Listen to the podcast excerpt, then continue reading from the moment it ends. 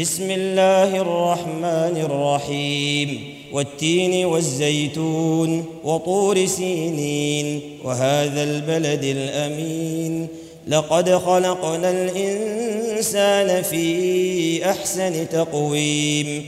ثم رددناه أسفل سافلين إلا الذين آمنوا.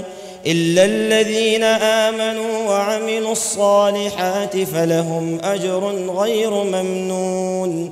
فما يكذبك بعد بالدين؟ أليس الله بأحكم الحاكمين؟